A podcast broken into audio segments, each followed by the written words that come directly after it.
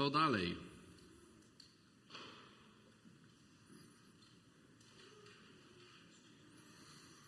Co dalej? Mamy pierwszą niedzielę stycznia, nowy rok. Co będzie dalej? Ostatnie dwa lata były no, zaskakujące, trudne, delikatnie mówiąc, pełne atrakcji i tak trochę ze strachem wchodzimy w 2022, nie wiedząc, co się wydarzy. E, Co będzie dalej? Czy jak długo ten wspaniały wirus się utrzyma? Czy już sobie pójdzie, czy jeszcze będzie z nami długo? Zastanawiamy się, co dalej w nowym roku.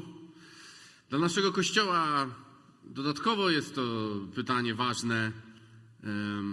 Za miesiąc musimy opuścić kafejkę piętro niżej i zastanawiamy się, co dalej będzie. Co będzie dalej ze wszystkimi spotkaniami, które tam się odbywały. Co dalej będzie z nami? Dzisiaj w nocy brat Fonek odszedł do Pana. I co dalej? Jak będzie wyglądał nasz kościół bez niego? Kto będzie tam stał i nas witał, nie? Niektórzy z nas są w kościele już kilkadziesiąt lat, a nie pamiętają, jak to, jak to, jak to było, jak go nie było, bo był zawsze. E, Rocznica w, kilka, w tym roku chyba 37 jest rocznica naszego zboru. Wypada. A, wujek Fonek był jeszcze kilkanaście lat wcześniej. Do Gdańska jeździł. Wujek Fonek, nie wiem czy wiecie, się ochrzcił w Malborku, bo w Gdańsku nie było jeszcze baptysterium. I co dalej będzie? Co dalej? Pewnie każdy z Was sobie o czymś innym myśli, e, kiedy się zastanawia nad tym, co dalej. Pewnie, pewnie kiedy to pytanie wyświetliłem, każdy może sobie o czymś innym pomyślał. Każdy może coś mu przyszło do głowy. I dzisiaj, trochę odpowiadając na pytanie, chciałbym się przyjrzeć e, rozstaniu właśnie dwóch osób. No, kiedy wybrałem ten fragment parę tygodni temu, nie spodziewałem się właśnie, że, e, że będzie, będę mówił po kilka godzin, kilkanaście po tym, jak wujek Fonek odszedł. I przyjrzymy się fragmentowi z drugiej Księgi Królewskiej, rozdział drugi. Można otworzyć Biblię, kto nie ma, a kto nie ma, to będę wyświetlał slajdy na, e, na ekranie. I tam jest historia dwóch ludzi. Dwóch ludzi, którzy mieli ten sam zawód, to samo powołanie, byli powiązani ze sobą ściśle. E, I to jest, to jest moment, w którym jeden z nich odchodzi z tego świata. E, I drugi zostaje. To jest historia Eliasza i Elizeusza. E, To było około 3000 lat temu się wydarzyły te wydarzenia. Eliasz żył około 900 roku przed naszą erą do 849. Jego uczeń Elizeusz około 880 do 790. Elizeusz żył jeszcze 60 lat po odejściu Eliasza i razem przeżyli 6 lat. E, Tak bibliści sugeru- sugerują.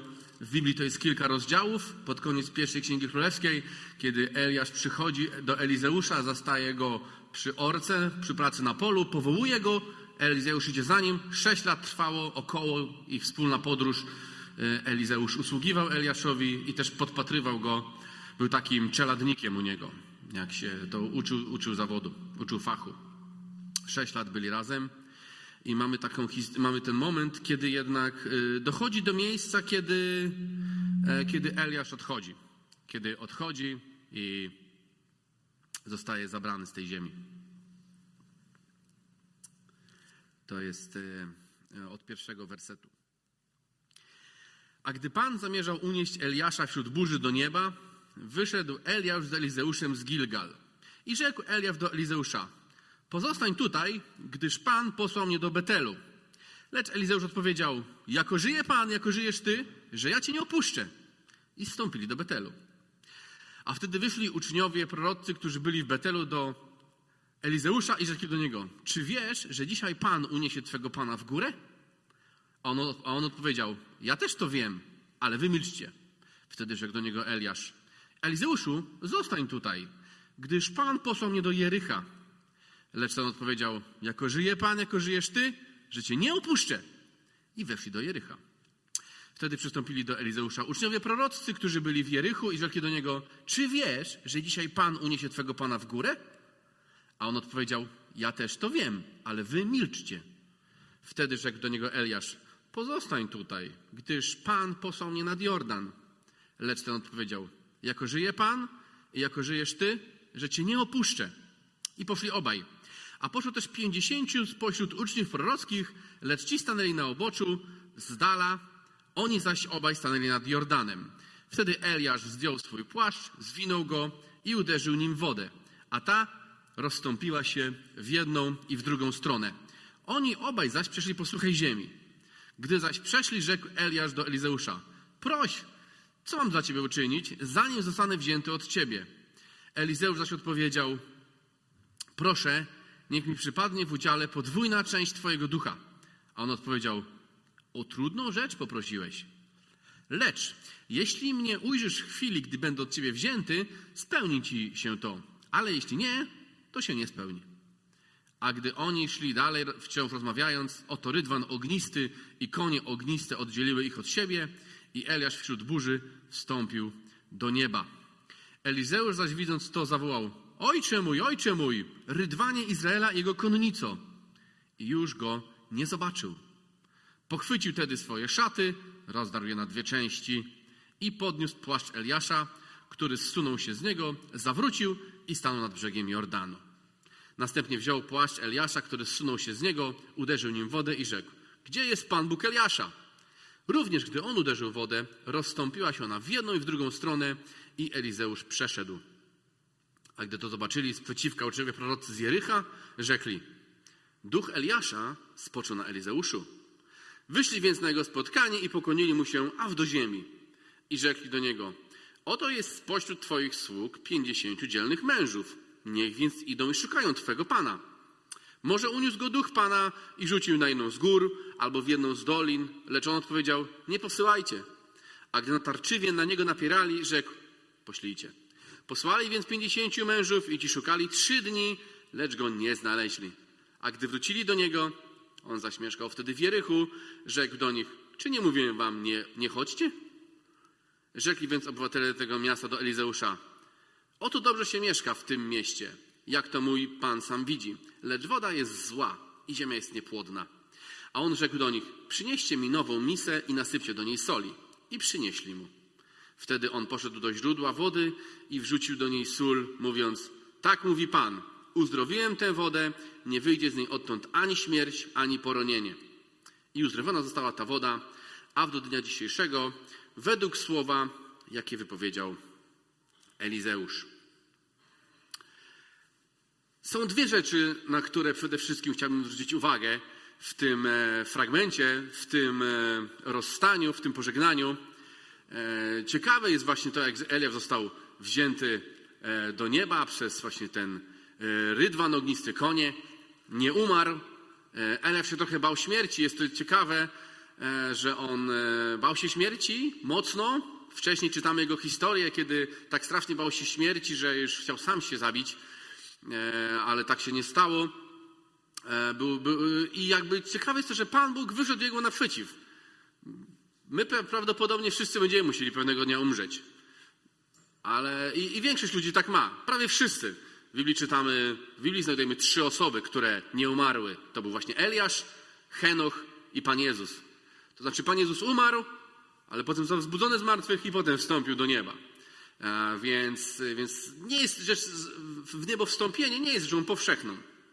Dodatkowo Eliasz miał jakiś taki na punkcie ognia może fetysz, może taką miał e, zajawkę. Widać, lubił ogień. E, ogień mu towarzyszył dość dużo w życiu. E, kiedy Bóg przychodził do niego, przychodził w, w trzęsieniu ziemi, w powiewie i w ogniu. Później na górze Karmel zesłał z nieba Pan ogień, który pochłonął ołtarz kamienny. Tutaj elf stał przez rydwan ognisty i wzięty do nieba. e, i konie ogniste oddzieliły ich od siebie. I Eliasz wśród, wśród burzy wstąpił do nieba. Lubił, lubił ogień. I chciałbym się przyjrzeć postawie Elizeusza w tym fragmencie i postawie Eliasza i tym, żebyśmy się nauczyli czegoś z tego, żebyśmy zmienili nasze myślenie, zmienili nasze postrzeganie siebie, postrzeganie innych i postrzeganie relacji z Bogiem. Po pierwsze, widzimy, że Elizeusz jest wytrwały, jest bardzo em, zdeterminowany. Eliasz do niego mówi: Zostań tutaj, ja idę do Betelu. Byli w Gilgal, mówi: Zostań tu, ja idę do Betelu. On mówi: Nie, idę z tobą. Doszli do Betelu, mówi mu Eliasz: Zostań tu, a ja pójdę do Jericha. Eliasz mówi: Nie, nie, ja idę z tobą. Doszli do Jericha, Eliasz mówi mu: Zostań tu, a ja pójdę nad Jordan. Elizeusz mówi: Nie, idę z tobą. Na początku, kiedy to przeczytałem, myślałem sobie: On jest nieposłuszny. No dlaczego nie słucha się swojego mistrza? Jest u niego uczniem, Eliasz go prowadzi, szkoli go i coś mu wydaje mu polecenie, a on go nie słucha. Nie to, że się bardzo pokłócili, bo jednak poszli razem, ale on go nie słucha. Mówi mu, zostań tutaj, a on idzie z nim. Być może, znaczy wygląda na to, że Eli, Elizeusz wiedział, co się stanie. E, tak się zaczyna ta historia, e, że e, tym, że e, Eliasz miał zostać wzięty do nieba. Być może Elizeusz o tym wiedział. Wiedzieli też o tym uczniowie prorocy. I Elizeusz mówi, ja też wiem, że Eliasz będzie wzięty do nieba. I Eliz, Elizeusz chciał być przy nim. Chciał być przy nim do końca. Chciał zobaczyć, co się wydarzy. No, przekonamy się, że bardzo dobrze na tym wyszedł skorzystał y, z tego mocno, y, został niesamowicie pobłogosławiony tym, że był przy Eliaszu w chwili jego odejścia, ale ta wytrwałość jest y, czymś, co powinniśmy mieć. E, Taka uporczywość, taka zdrowa zawziętość, taki, taka niezłomność w życiu duchowym chrześcijanie powinni to mieć. W wielu kwestiach y, i my, i ludzie niewierzący potrafimy być bardzo zdeterminowani. Kiedy śledzimy karierę sportowców, kiedy śledzimy karierę biznesmenów, y, kogokolwiek, y, rodziców wychowujących swoje dzieci, ludzi, którzy chcą, budują swój dom, ludzi, którzy dbają o edukację, uczą się do matury. Ludzie potrafią być naprawdę bardzo zdeterminowani i naprawdę bardzo wytrwali w tym, do czego dążą. Dość znam kilka przykładów z życia moich znajomych, kiedy jakiś chłopak starał się o względy jakiejś dziewczyny i kilka lat próbował do niej zagadywać, aż w końcu mu się udało. I odwrotnie, dziewczyna zabiegała o względy chłopaka, czasami to trwa kilka lat i ktoś się nie poddaje i czasami dopina swego, czasami mu się nie udaje. Ale ludzie potrafią być bardzo wytrwali. I myślę, że w naszej duchowości tak powinno być też. Nie powinniśmy jako chrześcijanie być tacy obojętni, że no, o wszystkie rzeczy walczę, ale w kościele to jestem taki, biorę to, co Pan da, nie proszę, nie zabiegam. Jestem taki, no, nie za bardzo roszczeniowy, nie za bardzo taki dużo wymagający. Wytrwałość w Biblii nie jest to jedyny fragment, gdzie znajdujemy taką historię. Na przykład w księdze Rut znajdujemy historię Rut i Noemi. Noemi była Żydówką z Izraela, Rut była Moabitką i była między nimi relacja synowej i teściowej.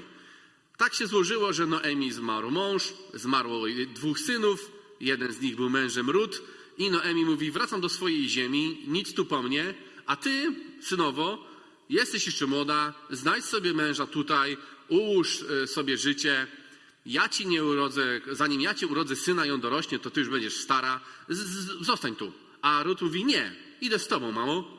I poszła. I potem czytamy, jak na tym skorzystała. Jest w rodowodzie Dawida. Rut jest, e, jest, jest w rodowodzie Jezusa. Rut jest prababcią Dawida. E, dlaczego? Dlatego, że nie posłuchała się swojej teściowej i poszła z nią do jej ziemi. Czytamy w Nowym Testamencie, kiedy Jezus mówi o modlitwie. Opowiada historię ubogiej wdowy, e, która miała kłopoty prawne i nie stać ją było na adwo- adwokata. I mówi do niej, y, i tam czytamy, że ona sz- poszła do sędziego i chodziła, i tak długo, zanim y, chodziła, aż ją wziął w obronę, aż otrzymała co do chciała. I Jezus mówi, tak się módlcie. Właśnie tak się macie modlić, jak ta kobieta, która tak długo chodziła, aż otrzymała to, co chciała. Aż do skutku, do odpowiedzi, tak lub nie. To jest przykład, y, który przytacza. Jakub, zwany Izraelem, wnuk Abrahama, ojciec dwunastu, dwunastu synów, ojciec dwunastu pokoleń izraelskich, e, dwunastu plemion. W pewnym momencie życia dziwna rzecz go spotkała, otóż bił się z aniołem. Bił się z aniołem całą noc, mocował się z nim i mówi mu, nie puszczę cię, dopóki mi nie pobłogosławisz. Nie puszczę cię. I tak się stało. Pobłogosławił mu. E, no i Pan Jezus, całe jego życie jest przykładem e, nakierowania na cel, właściwych wartości, priorytetów, takiej też wytrwałości, niezłomności, pomimo przeciwności, które go też go spotykały, nie poddawał się i w ogrodzie Getsemane, kiedy dochodzi do punktu kulminacyjnego jego służby, Jezus jest, modli się wytrwale, na maksa. Prosi uczniów, żeby się, żeby się modlili. Oni trzy razy zasypiają, on się cały czas modli. Pewnie to rozumiem, że to była jakaś późna pora, skoro, skoro oni, oni zasnęli, może byli po długiej podróży. Zasnęli, oni co chwilę zasypiali, nie potrafili wytrwać, a Jezus cały czas stoi i się modli. Wytrwałość. I takiej wytrwałości potrzebujemy w naszym chrześcijaństwie, w naszej relacji z Bogiem takiej gorliwości w szukaniu Boga, w studiowaniu Jego Słowa, w modlitwie, w służbie, we wszystkim, co robimy jako chrześcijanie, we wszystkim, e, co nasze życie spotyka, potrzebujemy takiej, takiej uporczywości, takiej ikry, niezłomności, wytrwałości. Chrześcijanie nie powinni być tacy, e, tacy rozlaźli, bezpłciowi, tak się czasami mówi. Tacy, którzy, no, chodzą, uśmiechają się, ale brakuje im takiego charakteru. Ich życia brakuje takiego smaku. Jakby byli tacy, tako, takimi nieposolonymi ziemniakiem. Tacy nieprzyprawieni. Tacy, że no, cze, czegoś tu brakuje. I tej wytrwałości, tutaj patrząc, możemy się nauczyć i, i potrzebujemy jej. Nie potrzebujemy, chrześcijanie mamy być, nie mamy być tylko ludźmi, którzy biorą od Jezusa zbawienie i więcej nie chcą. Możemy taką, ta, taką transakcję z Bogiem zawrzeć. Niektórzy niestety tak żyją, chrześcijanie, że ja z mojego chrześcijaństwa chcę tylko tyle, żebym po śmierci poszedł do nieba, żeby Bóg wybaczył moje wszystkie grzechy. I więcej nie chcę. To nie, i Bóg to spełnia, jakby Bóg e, zbawia każdego, kto go poprosi o zbawienie, ale to nie jest e, ideał. To nie jest coś, do czego chrześcijanie mają być. Chrześcijanie mają zmieniać ten świat. Swoje rodziny, swoje miejsce pracy, dookoła wszystko rozsiewać woń Chrystusową, a nie po prostu być kimś, kto wierzy w niedzielę i po wyjściu z kościoła nikt nie wie, że on jest chrześcijaninem. To chyba, chyba jeden z największych um, smutnych informacji, którą może usłyszeć chrześcijanin. Wiesz co, nie wiedziałem, że jesteś wierzący. Kiedyś jeden człowiek do mnie podszedł z naszego zboru i mówi mi, e, że, no, że rozmawiał ze znajomymi jakoś wyszła rozmowa o Bogu i koledzy z pracy chyba, którzy go znali kilka lat, mówili, ty ja nie wiedziałem, że ty jesteś wierzący. Ja myślałem, że ty jesteś niewierzący jak wszyscy. I to było smutne dla niego, ale też mu coś pokazało, że no jak wygląda jego relacja z Jezusem, jeśli ktoś zna go kilka lat i on nie wie, że jest wierzący. Nie widział tego w jego zachowaniu, choć tego czasem można nie widzieć. W równie czasami w środowisku bardzo moralnych ludzi chrześcijanie się nie wybijają jako bardzo moralni. Ale też to wnioskuje, że on po prostu nie mówił im o Jezusie. Nie mówił Ewangelii, no bo, no bo oni tego nie wiedzieli. Czasem wytrwałość miesza nam się z pokorą. I te dwie rzeczy trzeba rozdzielić. One są y, trochę tak jak dwie ręce. Trzeba mieć obie. Trzeba być pokornym i trzeba być wytrwałym, niezłomnym takim. E, trzeba czasami umieć się pogodzić z porażką, z tym, że ktoś odchodzi i trzeba umieć walczyć. Tutaj widzimy przykład wytrwałości i takiej zabiegania, ale też trzeba się umieć czasami pogodzić z tym, że ktoś odchodzi. E, moja mama, kiedy chorowała kilka, prawie cztery lata, y, bardzo się modliłem i bardzo wielu ludzi prosiłem o modlitwę i wielu z was się modliło. Dziękuję. I walczyliśmy w modlitwie i naprawdę mogę powiedzieć, że zrobiłem co mogłem. E, modliliśmy się. I myślę, że nawet Pan Bóg raz ją przedłużył jej życie, kiedy przed pół roku przed śmiercią była w hospicjum w bardzo ciężkim stanie. Wtedy wydaje mi się, że Pan Bóg przedłużył jej życie o pół roku i jeszcze, jeszcze żyła, ale i tak zmarła. I no, trzeba było się z tym jakoś pogodzić.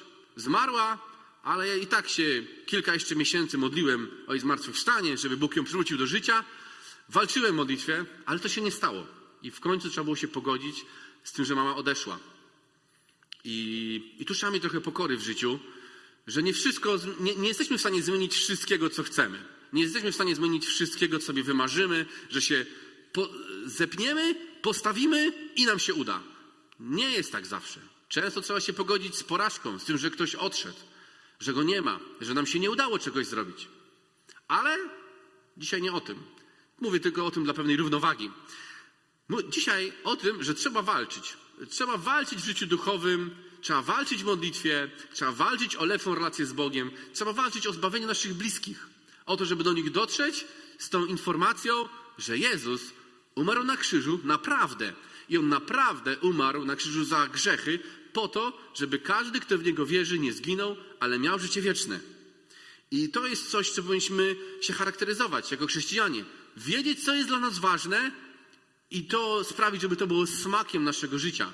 Tako, takie naprawdę ważne. I kiedy myślę o wujku Fonku, no to to jest dla mnie idealny przykład chrześcijanina. Ktoś, kto naprawdę wiedział, kim jest Jezus i naprawdę gorąco go pragnął e, poznawać do końca i być nim bliżej. Kilka tygodni temu z nim rozmawiałem, on mi mówił, komu chce powiedzieć Ewangelię. Z rodziny wymienił tego i tego, z sąsiadów tego i tego. 90 lat człowiek, 50 lat wierzący. I, i cały czas pragnął jeszcze komuś powiedzieć Ewangelię. Tak jak powiedział Zbyszek wcześniej, pastor, na każdym spotkaniu w sobotę o 7 rano na modlitwie męskiej wujek Fonek był, jeśli tylko mógł. I niesłychany. Drugą rzeczą, którą e, widzimy w zachowaniu e, tutaj Elizeusza, to jest werset dziewiąty. Jezus mówi, prosi o podwójną część ducha. E, Jezus mówi, Elizeusz mówi, niech, chciałbym dwukrotnie więcej Ducha Świętego niż Ty masz. Chciałbym być lepszy od Ciebie. Chciałbym, żeby Bóg im bardziej użył. Biblia Warszawska tłumaczy to zwykle, chciałbym mieć, dwie, proszę o dwie trzecie Twojego ducha, ale to nie jest najlepsze tłumaczenie. Elizeusz prosi o podwójną część ducha Bożego, jaką miał Eliasz. On przychodzi do swojego mistrza, który ostatnie słowa przed śmiercią. Eliasz mówi: proś, co byś chciał, na, na, na, na koniec, co mam ci dać? A on mówi: Chciałem być, mieć dwa razy więcej ducha świętego niż ty. Chciałbym, żeby Bóg mnie użył dwa razy bardziej niż ciebie. I co jest zadziwiające? Ta prośba jest spełniona. Bóg wysłuchał tą prośbę w, w, kilka sposobów. Po pierwsze, służba Elizeusza trwała dwa razy dłużej. Eliasz około 30 lat służył Bogu jako prorok, a Elizeusz około 60 lat. 60 lat od momentu odejścia Eliasza. Dwa razy dłużej. Co więcej, w Biblii czytamy, że Elizeusz, że Bóg przez Elizeusza dokonał dwa razy więcej cudów. Przez Eliasza Bóg dokonał siedem cudów, przez Elizeusza 14. Y, dwa razy więcej osób otrzymało życie z powrotem dzięki przez służbę Elizeusza. Przez Eliasza Bóg wskrzesił jedną osobę, przez Elizeusza dwie. I ta prośba dziwna jest, jak się może wydawać. Proszę o więcej ducha niż ty, ale, ale Bóg ją spełnia. Bóg ją spełnia. I to jest zaskakujące. Wydawałoby się, że to jest prośba, którą, która jest taka nie wypada.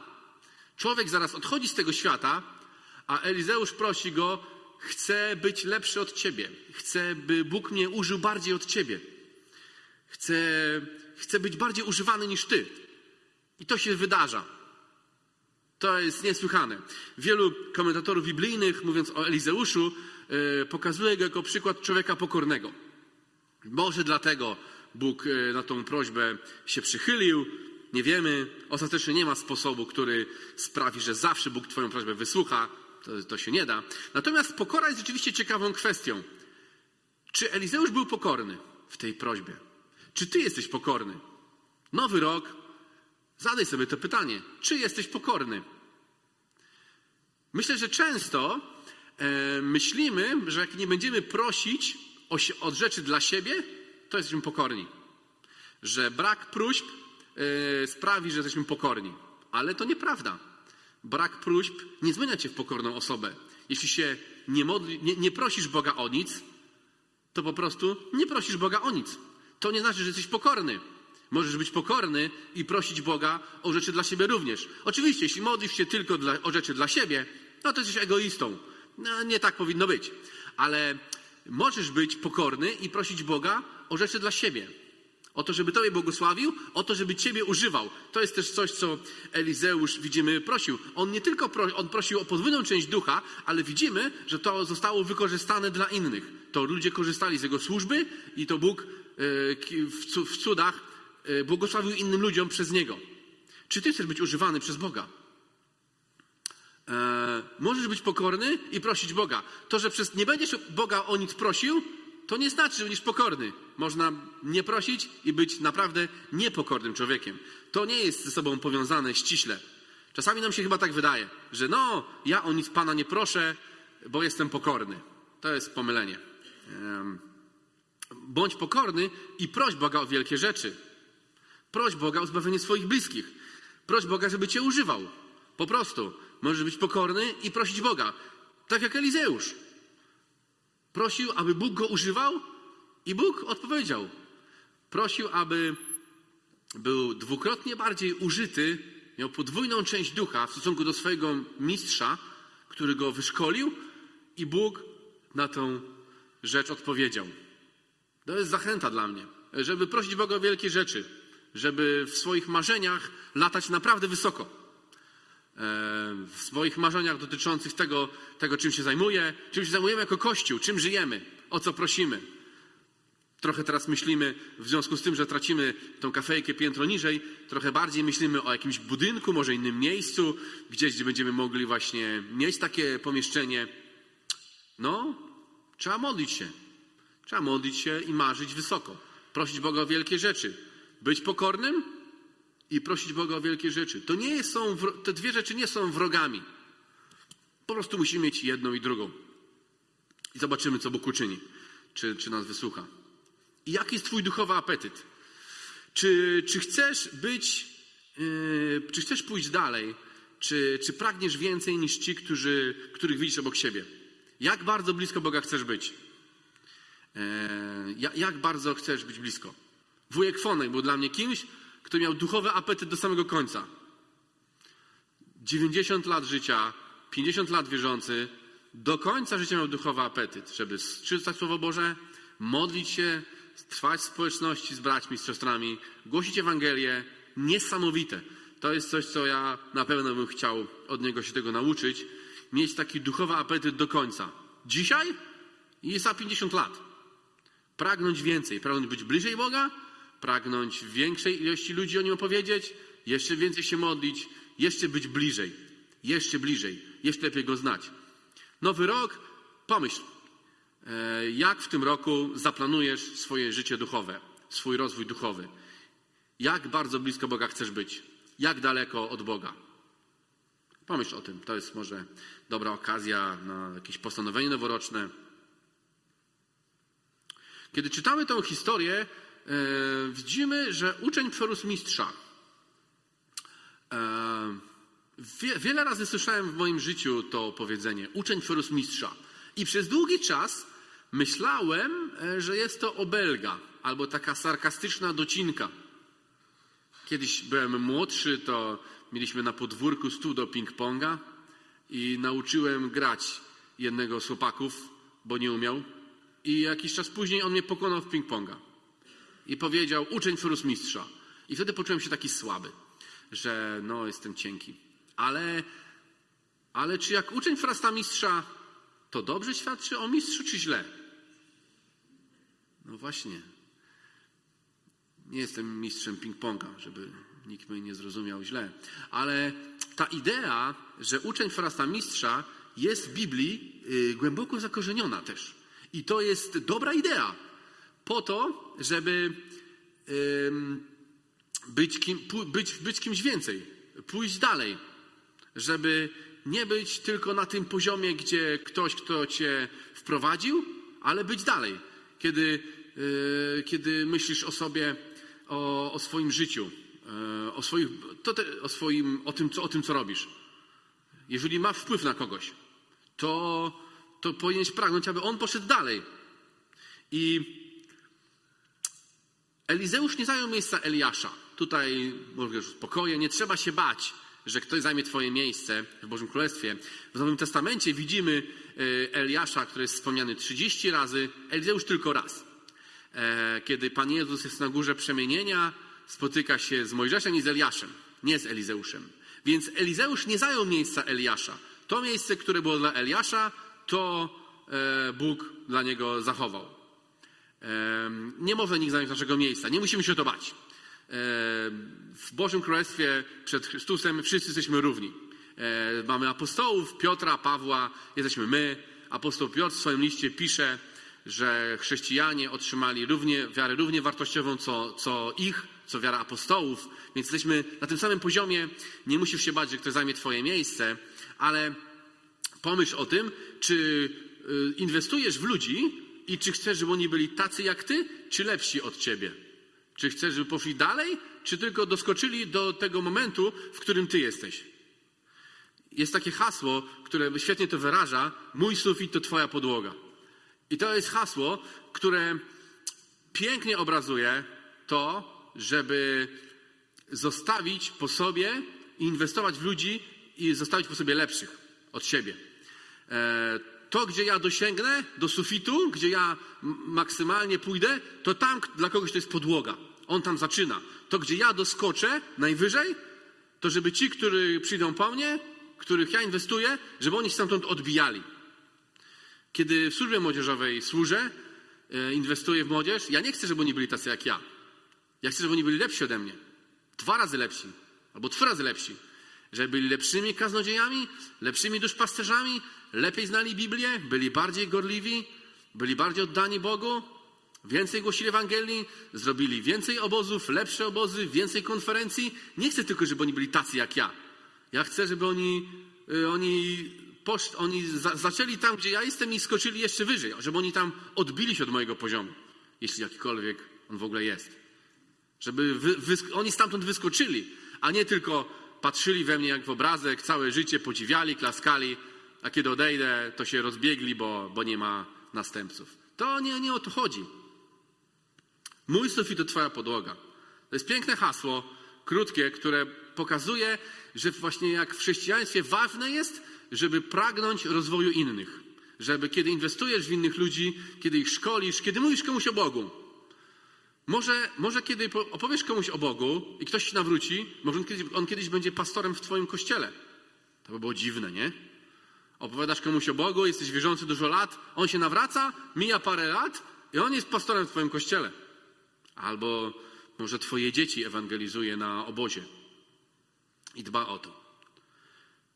Pomyślmy o tym, żeby nowy rok, okazja do jakiejś retrospekcji życia, do zastanowienia się, kogo po sobie zostawiasz w miejscu, w którym jesteś. E, kogo po sobie zostawiasz, kiedy jest, masz jakąś służbę. Służysz jako w nagłośnieniu, robisz kawę, jesteś muzykiem, organizatorem, administratorem, może wykładowcą, cokolwiek robisz. Skupmy się na życiu chrześcijańskim. To też to tyczy się wielu dziedzin życia, ale skupmy się na życiu chrześcijańskim. Jakie masz talenty, jakie masz dar od Boga i jakie wykorzystujesz i kogo po sobie zostawisz? Kto po tobie przejmie e, pałeczkę w tej sztafecie? Kto pobiegnie dalej? Kiedy ty już dobiegniesz albo zmienisz e, tor, na którym biegniesz, kto po tobie pobiegnie dalej? I przede wszystkim o tym nastawieniu umysłu, kogo po sobie chcesz zostawić. To jest coś, na czym chciałbym się dzisiaj mocno skupić. E, żebyś kogo po sobie chcesz zostawić. Nie zawsze mamy wpływ na to, kto po nas przyjdzie i czy ten ktoś będzie lepszy czy gorszy. Patrząc na Elizeusza, to on poszedł dalej niż Eliasz, ale po nim za bardzo, za bardzo nikt nie poszedł. Miał ucznia Gehaziego, Elizeusz, ale taki se był. E, trochę raz tam e, błysnął fajną rzeczą, innym razem E, skłamał i, w, i jako karę dostał trąd, który został wyleczony z innego, zdjęty z innego człowieka, więc, więc akurat Elizeusz nie zostawił po sobie nikogo dobrego w, tym, w, tym, w tej kwestii, nie za bardzo poszedł, ale kogo ty chcesz po sobie zostawić?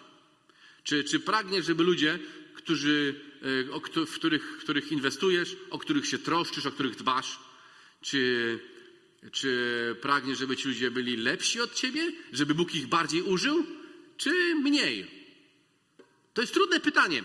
To nie jest taka oczywista odpowiedź, bo my naturalnie, jako ludzie, nie chcemy, żeby nasi uczniowie byli lepsi od nas. To tak nie przychodzi łatwo przez gardło, że chciałbym, żeby ci, których czegoś nauczyłem, byli lepsi ode mnie. To jest trudne. To wymaga pokory. Wymaga pokory, żeby to zaakceptować i, i tego chcieć. W chrześcijaństwie to się czasem nazywa czynieniem uczniami, e, czynimy innych, sami jesteśmy uczniami Chrystusa i staramy się uczynić innych również uczniami Chrystusa. E, I, i jakim, jakich uczniów Chrystusa chciałbyś widzieć e, po tobie? Takich jak ty, czy lepszych? Bo myślę, że Słowo Boże nazywa do tego, żebyśmy pragnęli innych zanieść dalej niż sami jesteśmy. To sam powiedział Pan Jezus. E, w Ewangelii Jana w 14 rozdziale czytamy takie jego słowa, które mówi Jezus: Kto wierzy we mnie, ten tak wykonywać będzie uczynków, które ja czynię, i większe nad te czynić będzie, bo ja idę do Ojca. Sam Jezus powiedział: Pójdziecie dalej niż ja, ci, którzy wierzą. I Jezus mówi, Jezus nie miał tu na myśli spektakularnych, spektakularności cudów, bo cuda, których dokonał Jezus, nie da się ich generalnie powtórzyć. Chodzenie po wodzie, rozmnażanie jedzenia, uciszenie burzy słowem, zmartwychwstanie, generalnie słyszenie Łazarza, to co zrobił Jezus, tego się nie da powtórzyć, ale Jezus jednak mówi, e, że będziecie robili te rzeczy, które ja i większe. I co, I co nam zostawił Jezus? Przede wszystkim zostawił nam zbawienie ludzi. Jezus tą misję zapoczątkował, ale za czasów Jezusa nikt nie otrzymał Ducha Świętego. Ludzie nie byli jeszcze zapisani w niebie, nie mogli mieć pewności zbawienia żyjąc. Jezus tą przygodę zostawił nam. Dopiero po odejściu Jezusa został zesłany Duch Święty i to teraz, kiedy głosimy Ewangelię i ktoś w nią uwierzy, możemy powiedzieć, jeśli wierzysz, jesteś zbawiony, masz miejsce w niebie. Nic z tego nie zmieni. Masz ducha, otrzymujesz Ducha Świętego. Za czasów Jezusa to się nie wydarzało. To się zaczęło wydarzać po tym, jak został wylany Duch Święty, jak Jezus odszedł do nieba. On dla nas to zostawił. Wow, to jest naprawdę coś niezwykłego, niesamowite. Esencja chrześcijaństwa. Chrześcijaństwo to nie jest zmiana poglądów, zapisanie się do kościoła. Chrześcijaństwo to jest nowe serce, przemiana wewnętrzna, nowy duch. Chrześcijanin Człowiek, który uwierzy, że Jezus umarł, umarł na krzyżu za jego grzechy, otrzymuje Ducha Świętego. Otrzymuje zbawienie. To jest coś, co Jezus nam zostawił. I zasięg. Pan Jezus yy, dotarł do wielu ludzi, do tysięcy, no pewnie może dziesiątek albo nawet setek tysięcy osób przez trzy lata swojego życia, ale niektórzy chrześcijanie ponieśli to jeszcze dalej. Szacuje się, że Billy Graham dotarł z Ewangelią do kilkuset milionów ludzi, może kilku miliardów ludzi. E, Pan Jezus e, przez całe swoje życie poruszał się na obszarze wielkości mniej więcej województwa pomorskiego. Nieduży obszar przez swoim życiu zobaczył. Dzisiaj chrześcijanie chyba do każdego zakątka dotarli i mówią ludziom o Jezusie, o Bogu, który ich kocha, który oferuje im zbawienie, jeśli uwierzą, jeśli tylko uwierzą. Tylko zbawienie z łaski przez wiarę. A więc co dalej? Mamy nowy rok. Nie wiemy, jaki będzie. Zaczął się beznadziejnie. Mam nadzieję, że to było ostatnie e, takie wydarzenie smutne w tym roku, że już więcej nie będzie. Zobaczymy. Tak liczę. Mam nadzieję, że to więcej się nie wydarzy takich rzeczy. Co dalej, nie? Gdzie będziemy się spotykać, co będziemy, jak będzie nasz Kościół wyglądał, jak będzie wyglądało Twoje życie duchowe. I też przyglądając tej historii, chciałbym nas zostawić przed modlitwą z dwoma wnioskami. Po pierwsze, bądź blisko i pragnij więcej. Bądź blisko Boga, bądź blisko ludzi wierzących, pragnij więcej. Pragnij, żeby Cię Bóg bardziej używał, pragnij być bliżej Jego, lepiej znać Jego Słowo, lepiej się, więcej się modlić. Może post trzeba zaplanować jako takie ożywienie życia duchowego w tym roku albo nawet w tym miesiącu, może w tym tygodniu. I druga rzecz, którą myślę możemy, zostaw po sobie lepszych od siebie. Pragnij, żeby ci, których przyjdą po tobie, byli lepsi od ciebie. Żeby odbili się z miejsca, do którego ty doskoczyłeś i wyskoczyli jeszcze dalej. E, że pragnij, żeby, żeby ludzie, których kochasz, troszczysz się, żeby poszli dalej. Nie tylko tam, gdzie ty, ale jeszcze dalej poszli. Pragnij tego. Jak Bóg to wykorzysta, to tylko On wie, ale, ale pragnij tego.